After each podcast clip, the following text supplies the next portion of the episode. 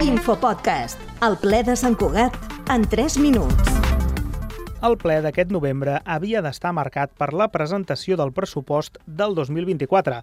El govern creia que l'economia s'enduria tot el protagonisme del dia, malgrat arribar-hi derrapant, però la jutgessa Ramona Guitart va decidir respondre a les al·legacions a les cautelars de la mirada un any després de l'aturada de les obres i que precisament es fessin públiques el mateix dia del ple. Aquests dos temes es van endur el protagonisme mediàtic, malgrat que, igual que va passar en el ple d'octubre, les eternes mocions finals i el debat polític posterior es mengin la meitat de la durada del ple municipal. Ahir, tots plegats van plegar passades les 10 de la nit. Anem malgrà. Els números del pressupost del 2024 són senzills. 144 milions, un 5% menys que el pressupost del 2023. Uns comptes que redueixen els ingressos perquè el govern ha pres la decisió política congelar els impostos i es preveu recaptar menys pels impostos directes com les plusvàlues i l'IBI. A més, també fruit de l'acord polític amb Esquerra, s'han blindat les retallades en, ajudes, en les ajudes en serveis socials i en les subvencions a les entitats. I això què significa? Doncs que es retallaran la resta d'àrees, sent cooperació una de les més castigades, i també es preveu vendre patrimoni per valor d'uns 3 milions d'euros, sense concretar encara en què a què se li ha posat el cartell de en venda.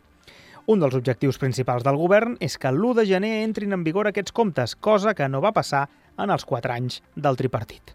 I l'altre tema del dia, amb el qual va començar el dilluns, a primera hora del matí, l'aixecament de les mesures cautelars que impedien l'inici de les obres del nou edifici La Mirada.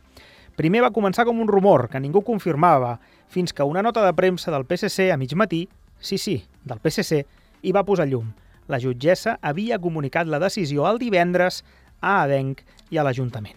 I la decisió de la jutgessa és clara, amb una frase demolidora.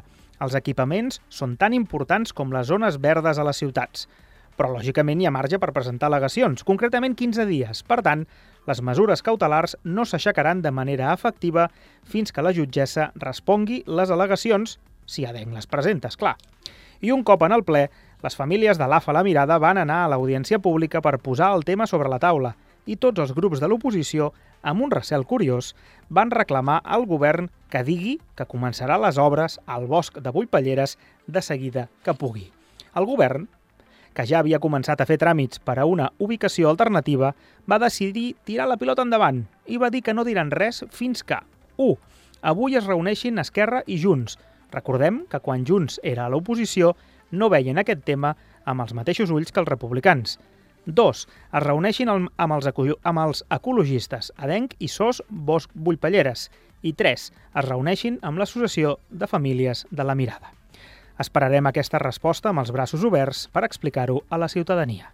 L'Infopodcast és una coproducció de Ràdio Sant Cugat i la xarxa.